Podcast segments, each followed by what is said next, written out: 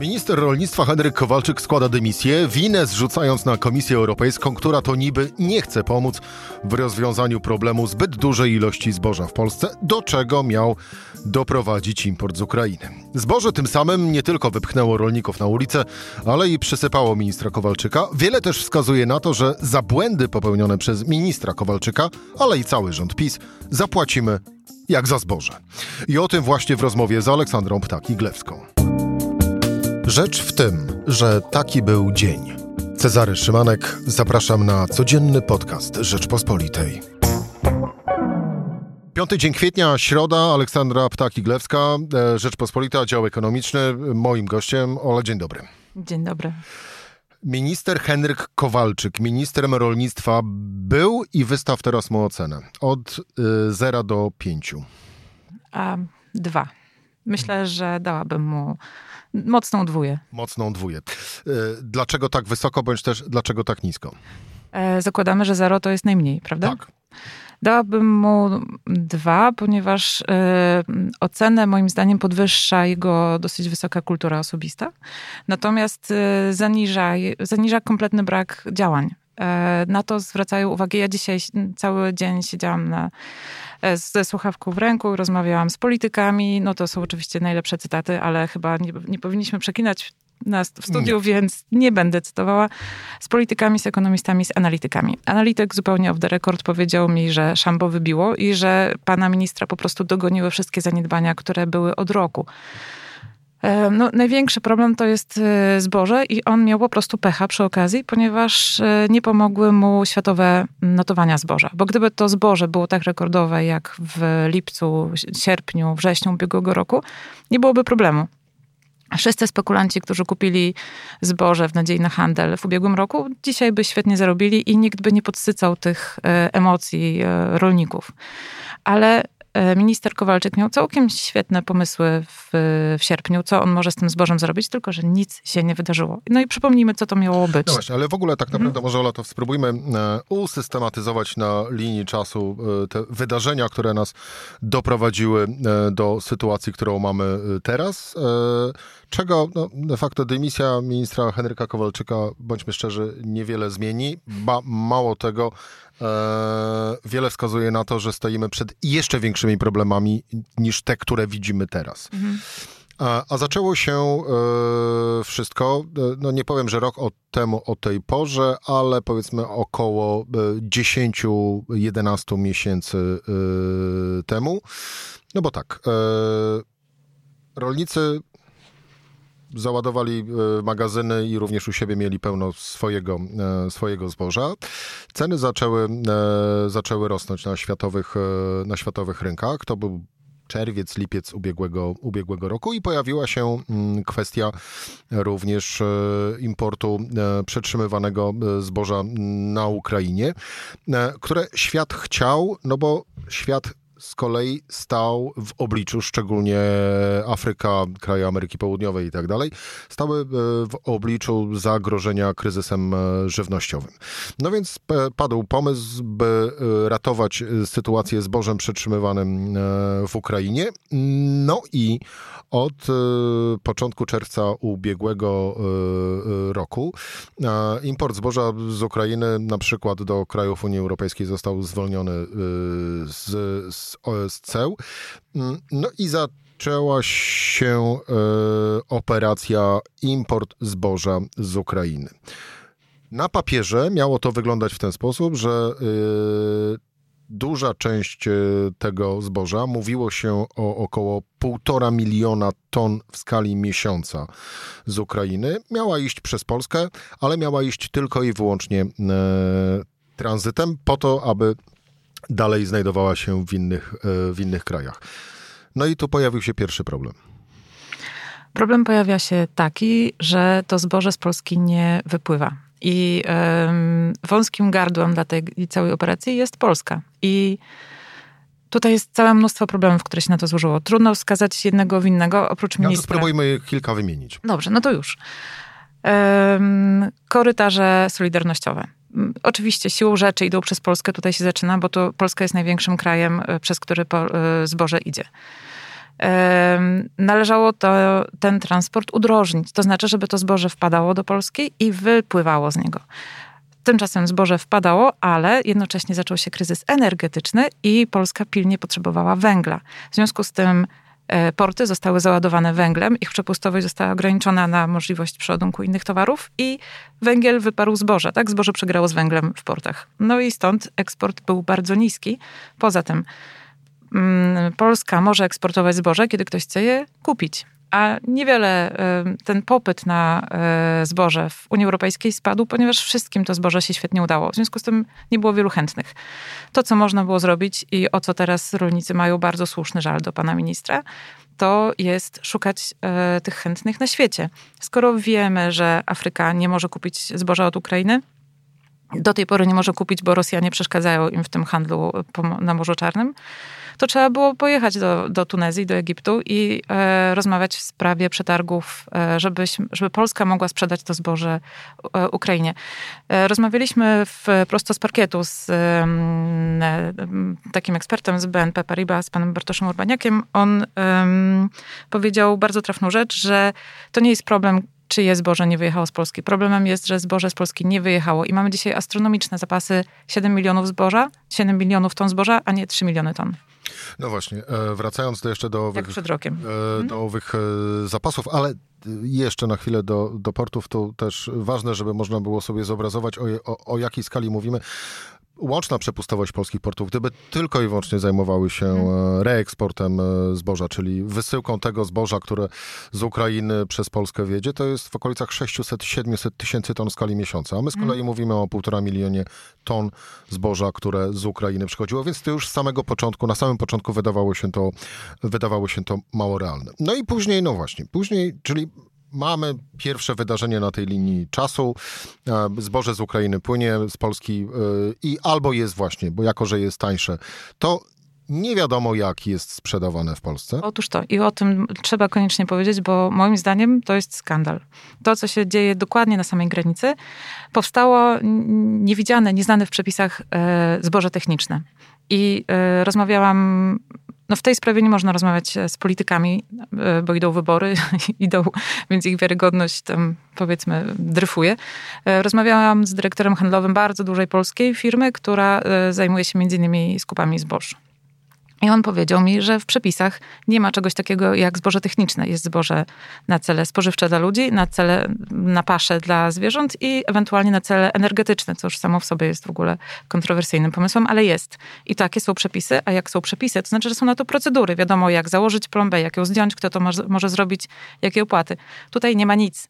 Natomiast jest wielka luka w przepisach, którą niektórzy spekulanci na, patrząc na to rosnące kolejki zboża na granicy, po prostu wykorzystali.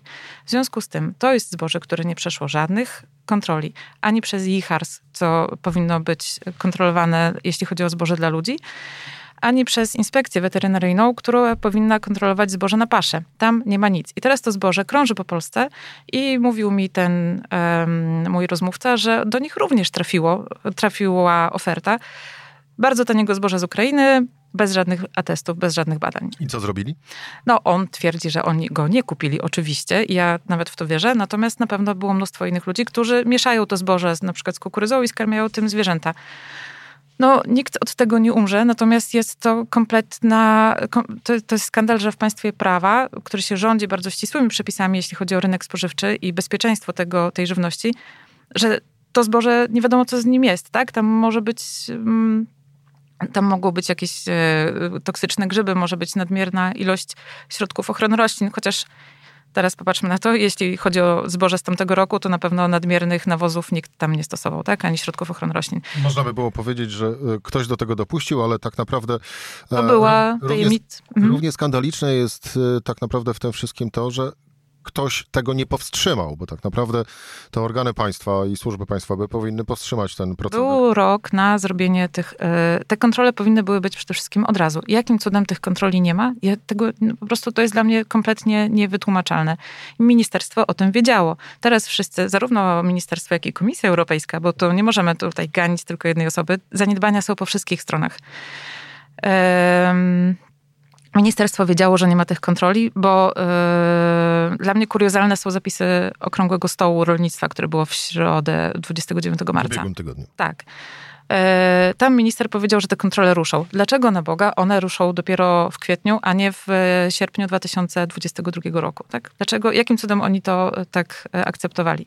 Jest jeszcze jedna rzecz. Komisja Europejska na, na takim spotkaniu off the record z mm, dziennikarzami z Polski głównie mówią, mówili, że oni są bardzo zadowoleni z siebie i oni nie widzą żadnego problemu. No ale problem był i oni też o nim wiedzieli, bo import zboża z Ukrainy był bardzo ściśle monitorowany. I teraz musimy jedną rzecz ważną powiedzieć. E, kolejna obiecanka pana ministra Kowalczyka, albo nawet i rządu, jest taka, że mm, pięć rządów, w tym Polska, tam Bułgaria, Rumunia, Czechy, Węgry, e, zażądały z całą stanowczością w piątek od Komisji Europejskiej, żeby odkupiła to na cele humanitarne i żeby zatrzymać import zboża. To jest obiecanka nie do spełnienia i oni to o tym wiedzą od początku, ponieważ ta procedura, nie będę wchodzić w szczegóły, na jaką oni się powołują, trwa pół roku. A od czerwca będzie nowa umowa z Ukrainą. I um, w związku z tym ta procedura się nie zdąży skończyć do przedłużenia nowej umowy. Bo rzeczywiście nowa umowa liberalizująca handel z Ukrainą pozwoliłaby, jeśli widać by było, że ten import jakoś zakłóca wspólny rynek, bardzo szkodzi e, producentom europejskim, no to można tam e, wprowadzić jakieś zmiany, na przykład ograniczyć jakiś import albo cofnąć tą liberalizację dla zbóż, tak żeby znowu były cła i kwoty. Kwoty, czyli ograniczenie ilości transportu. Ale oni nie zdążą tego zrobić, bo mamy kwiecień, a od czerwca będzie nowa umowa. Także no trochę współczuję rolnikom w tym momencie, chociaż według ekspertów oni też są sami sobie winni, bo oni wiedzieli, że powinni sprzedawać to a, zboże. A tu się na chwilę zatrzymajmy. E, jeszcze e, do powiedzenia a propos daty. E, obecna umowa, na mhm. bazie mhm. której Ukraina może bez ceł e, od siebie eksportować e, zboże, kończy się 5 czerwca, nowa ma wejść 6, e, więc to jest też ten czas graniczny i faktycznie niezależnie od tego, ile byłoby tych wniosków polskiego rządu, y, nawet przy współpracy z innymi rządami, no to y, nie ma chyba już fizycznej możliwości, aby wpłynąć na kształt tej nowej umowy. Ale był rok na złożenie tego wniosku. To prawda, był rok. E, a propos e, roku, to był no, wakacje wrzesień roku ubiegłego, czyli tuż, tuż po żniwach gdy y, ukazały się, że no właśnie, magazyny były zapełnione, rolnicy nie mieli co właściwie z tym zbożem e, zrobić, chociaż ceny były całkiem jeszcze, jeszcze dobre, ale minister Kowalczyk, Henryk Kowalczyk, wyszedł do rolników cały na biało i powiedział, e, nie sprzedawajcie, bo będzie jeszcze drożej. Nie lękajcie się. Tak. tak. I e, rolnicy posłuchali go mniej więcej tak samo, jak kredytobiorcy prezesa Adama Glapińskiego. Mhm. A, Tyle tylko, że no właśnie, kredytobiorcy płaczą co miesiąc, jeżeli chodzi ci, którzy uwierzyli, że będą zerowe stopy procentowe i teraz płaczą co miesiąc płacąc raty. Tak rolnicy, y, no nie mają nawet za co płakać, no bo tak, no bo y, to zboże leży u nich. E, dwa, magazyny są zapełnione. Trzy, gdzieś po całej Polsce stoją również pełne wagony zboża z, z Ukrainy, bo nie ma co z nim e, zrobić, a tu za chwilę idą e, żniwa. żniwa. Mhm. No i co teraz? O, to jest wspaniały temat. Po Twoich e, słowach słyszę, że czytasz media rolnicze, bo to jest dokładnie ta nomenklatura. Tymczasem to nie jest tak, że rolnicy są kompletnie e, bez winy, bo no, nie żyjemy na tym świecie od wczoraj i wiadomo, że minister, nikt ministra z tych słów nie rozliczy. Znaczy dzisiaj go los rozliczył, bo musiał złożyć dymisję, ale no, każdy odpowiada za siebie. I w momencie, jeśli wiadomo, że są rekordowe ceny zboża, no to trudno liczyć na to, że jak wojna się będzie przeciągała, że to zboże jeszcze e, wzrośnie. Naprawdę warto było patrzeć na te ceny i w momencie, jak chociażby zaczęło, e, zaczęły te ceny spadać, jak najszybciej sprzedawać. To jest trochę, i to nie są moje słowa, to nie są moje oceny, to są słowa ekonomistów e, z branży rolnej, że to jest kwestia chciwości trochę. Tak, że to jest kwestia tego, że chcieli zaspekulować i, i nie wyszło. Chociaż naprawdę w poważnej sytuacji są teraz skupy, które były często z, zobowiązane umowami do skupowania zboża albo do dystrybucji środków ochrony roślin i nawozów. W związku z tym one musiały kupować nawet po rekordowych cenach te nawozy w ubiegłym roku i dzisiaj są zatowarowani po korek bardzo drugimi nawozami, których nikt od nich nie kupi, bo producenci nawozów zaczęli sprzedawać bezpośrednio do rolników. No dobrze. E, mamy e, początek kwietnia. Mm, minister rolnictwa Henryk Kowalczyk zdymisjonowany, chociaż wicepremierem zostaje nadal. Mm, będziemy mieć najprawdopodobniej nowego e, ministra rolnictwa. Mm, rolnicy dają czas rządowi na wywiązanie się z tych postulatów, o których zawartych, a właściwie co do które zostały uzgodnione w trakcie owego okrągłego stołu, o którym wspominałaś, dali wtedy dwa tygodnie, czyli do świąt. No i e, rodzi się bardzo proste i podstawowe pytanie. No to co się będzie działo po świętach? No to zależy od obiecanek e, następcy e, ministra rolnictwa, czyli nowego ministra rolnictwa. Pewnie jego podstawowym, niepisanym zadaniem będzie załagodzenie e, sytuacji w rolnictwie i obiecanie wszystkiego do wyborów. Czyli na początek pieniądze, pieniądze, pieniądze i jeszcze raz pieniądze. Dokładnie. Sejmowa Komisja już przyznała 600 milionów złotych. Wspaniale. Tyle tylko, że na przykład, no dobrze, odwołam się do drugiej strony, rolnicy szacują na swoje straty na około 10 miliardów złotych. Pytanie, kto stracił i czy te, na ile były te straty, y, jak one były wymierzane? Bo to pytanie brzmi tak naprawdę, kto powinien dostać te pieniądze? Czy na pewno powinien? Czy każda strata, czy każdą stratę powinniśmy y, uzupełnić? No, e, czy oni mogli sprzedać wcześniej? Nie sprzedali? Jeśli tak, to dlaczego? No, jeśli ty sam źle pojedziesz i y, będziesz, poniesiesz jeśli ty prowadzisz jakiś biznes niezwiązany z rolnictwem, poniesiesz straty, bo posłuchasz czyjejś dobrej rady, no to sam jesteś sobie winien. To prawda. Rolnictwo jest dotowane w Unii Europejskiej, rolnictwo, e, produkcja żywności jest, i ja się z tym zgadzam, e, działką e, szczególnej troski, nazwijmy to w ten sposób. I rzeczywiście tam nie można doprowadzać świadomie do bankructw, ponieważ to się tak szybko nie odrodzi. To nie jest jak założenie kolejnego punktu usługowego. No ale to wiesz, to też oznacza, że z kolei ktoś, kto jest ministrem rolnictwa, nie powinien mówić takich rzeczy, jak jakie, jakie mówił. No bo Oczywiście. skoro podchodzimy odpowiedzialnie, to podchodźmy odpowiedzialnie do, do, do każdej ze stron. Dobrze, ale to spróbujmy... Na... Pieniądze, jeszcze są jedne rzeczy. Mhm. Jeszcze jedna rzecz z pieniędzmi. Komisja Europejska obiecała Polsce 30 milionów euro. Y, I teraz Pola, moim zdaniem polscy rolnicy mają podwójnego pecha, że ministrem, że e, komisarzem jest y, związany bardzo mocno z PiSem, którego wizja rolnictwa według niektórych ekspertów jest dosyć kontrowersyjna, ponieważ on y, z taką z sentymentem wspomina wspomina sielskie czasy rolnictwa z lat 60. w Polsce, to nie były sielskie czasy i mm, produkt, produktywność polskiego rolnictwa była wtedy naprawdę zła. Tak jak mówi mi emerytowany mm, profesor rolnictwa, z którym lubię rozmawiać, bo on jest kompletnie niepolityczny i on po prostu mówi o faktach. W Polsce przede wszystkim ciągle się e, prowadzimy E, politykę rolnictwa za pomocą gaszenia pożarów. A jak się gasi pożary, to się zawsze wyleje jakieś dziecko z kąpielą. I e, nie ma żadnej strategii, tak? Mamy dofinansowanie rolnictwa, to wszyscy na hura kupują maszyny, zamiast zastanowić się nad jakimiś e, branżami, nad specjalizacjami, nad mamy teraz, wiemy, że będziemy mieli problem z Ukrainą taki, że będziemy zalewani surowcami. Taki jest fakt, to jest nasz sąsiad, on będzie z Unią Europejską związany. Trzeba się z tym pogodzić i zastanowić się, jak na, jak na tym coś ugrać. Ale, ale to, to jest pieśń na najbliższych pięć lat, tymczasem mamy najbliższe y, miesiące, e, a y, Szczególnie na przykład z punktu widzenia Nowogrodzkiej ważna jest jesień, no bo tam rolnicy wtedy mogą wystawić dosyć słony dosyć słony rachunek e, za to, co się, e, co się wydarzyło. Ale spójrzmy na to z takiego właśnie gospodarczego i ekonomicznego punktu, punktu widzenia. No bo tak... E, co należy mamy, zrobić? Tak, mamy tego zboża w Polsce, jak sama powiedziałaś, pokorek, e, naście milionów e, ton. E, nie ma miejsca już tak naprawdę, gdzie, gdzie go składować.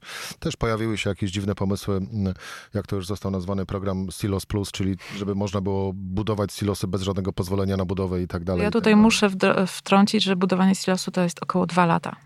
No właśnie, to mają Państwo od razu e, odpowiedź mm. co do tego, czy program jest e, nawet w samym swoim zamyśle jest dobry, czy też nie. Ale wracając do, czyli zboża pokorek w Polsce, jesteśmy tuż przed żniwami. Może jak się okaże jeszcze, że żniwa pójdą bardzo dobrze i będzie klęska u urodzaju, mm. Mm, nie sprzedamy, a zresztą nawet chyba to jest praktycznie niewykonalne, byśmy do żniw pozbyli się tych milionów ton zboża z Polski, żeby, e, żeby opróżnić e, magazyny, no to pierwsze pytanie jest takie, co trzeba zrobić, aby uratować najbliższe miesiące? A drugie pytanie jest takie, co nam grozi, jak się to e, nie stanie? To zacznijmy od tego pierwszego. Mhm. Pomysły na uratowanie sytuacji. E, no, są świetne, świetne. Na przykład to kolejne obiecanki. Cały okrągły stół wypełniony był nierealnymi obiecankami w stronę rolników. Ja się wcale nie dziwię, że oni się zirytowali. Jak rozmawiałam z byłym ministrem e, rolnictwa, e, no nie z tej partii, tylko z poprzednich, powiedział, że jak to policzył, to żeby wywozić mm, zboże w tym tempie, żeby rzeczywiście wywieźć całe zapasy do żniw, potrzebnych by było 20 masowców miesięcznie o, mm, o, o tej nośności 50 tysięcy ton i on e, nie jest pewien, czy w ogóle w Europie jest tyle takich statków. Czyli jaki wniosek z tego? Jest to kompletnie nierealne. E, co powinien zrobić minister? Już mu podpowiedzmy, Nowy. bo tak wszyscy mhm. twierdzą. Przede wszystkim jak najszybciej udrożnić eksport e, zboża. Są na to szanse, dlatego że skończyła się zima, węgiel znika pomału z portów, w związku z tym przepustowość portów będzie większa, ale żadne statki na nich nie czekają póki co, więc trzeba szybko zakontraktować jakieś statki. Znaczy, warto się na przykład zainteresować rynkami Afryki. E, te, które kupowały dużo zboża od Ukrainy, teraz nie mogą, więc warto pójść tam i zainteresować się tymi przetargami. No, to zboże musi z Polski wyjeżdżać. W związku z tym kolej, e, kolej, statki, no i może rzeczywiście warto negocjować z Unią Europejską jakieś ograniczenie importu, ale podkreślmy, to tak naprawdę nie jest problemem to, że Ukraina do nas to, to zboże importuje. Problemem jest to, że po prostu my sobie nie poradziliśmy i sami nie potrafiliśmy zaradzić Nawet trudno dużej powiedzieć. ilości zboża w Polsce. Trudno powiedzieć, czy my sobie nie poradziliśmy, bo z tego, co ja badam tą sprawę, to my nie próbowaliśmy sobie z tym poradzić, bo rolnicy y, i to zboże zostało zostawione całkiem same. Powtórzmy, nie było żadnych kontroli, nie było żadnych korytarzy transportowych e, pociągu, które były obiecywane e, z nadgranicy do, do portów morskich. Nie było żadnych statków zatowarowanych, nie było żadnych kroków, które nawet, o których minister wiedział, bo on sam o nich mówił w ubiegłe wakacje, po prostu nic nie zrobił. No więc nie wiem, czy można powiedzieć, że sobie nie poradziliśmy. Tak? No to w takim razie y, pytanie y, na drugi scenariusz. Y, jeżeli nic się nie stanie i zostaniemy z tym zbożem, mhm. tym co mamy, mhm. no to... przyjdą żniwa, i co wtedy? No, takie proste działanie, prosta zasada ekonomii, nadmierna podaż powoduje, że nie ma, że ceny idą w dół. W związku z tym y, ceny będą jeszcze niższe, będą w ubiegłym roku mieliśmy rekordowo wysokie ceny, teraz będą rekordowo niskie ceny. E, pewnie ten eksport się wreszcie udrożni, no bo jeśli już jest taka awantura na pięć krajów i Komisję Europejską, to wreszcie to świadomość problemu pewnie wzrośnie. E, nie sądzę, żeby nam groziła jakaś e, katastrofa. No już nie, nie, nie straszmy, tak? E, katastrofa może grozić partii rządzącej, bo przegra wybory prawdopodobnie. Znaczy tutaj to jest prosty sposób na utratę serca rolników, jeśli w tak ewidentny sposób lekceważy się ich problemy. Aleksandra Ptaki-Glewska, dziękuję Ci bardzo za rozmowę. Bardzo dziękuję. To była rzecz w tym w środę. Cezary Szymanek, do usłyszenia jutro o tej samej porze.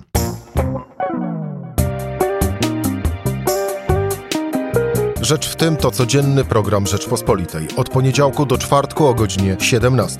Słuchaj na stronie podcasty.rp.pl. Włącz Rzecz w tym w serwisie streamingowym.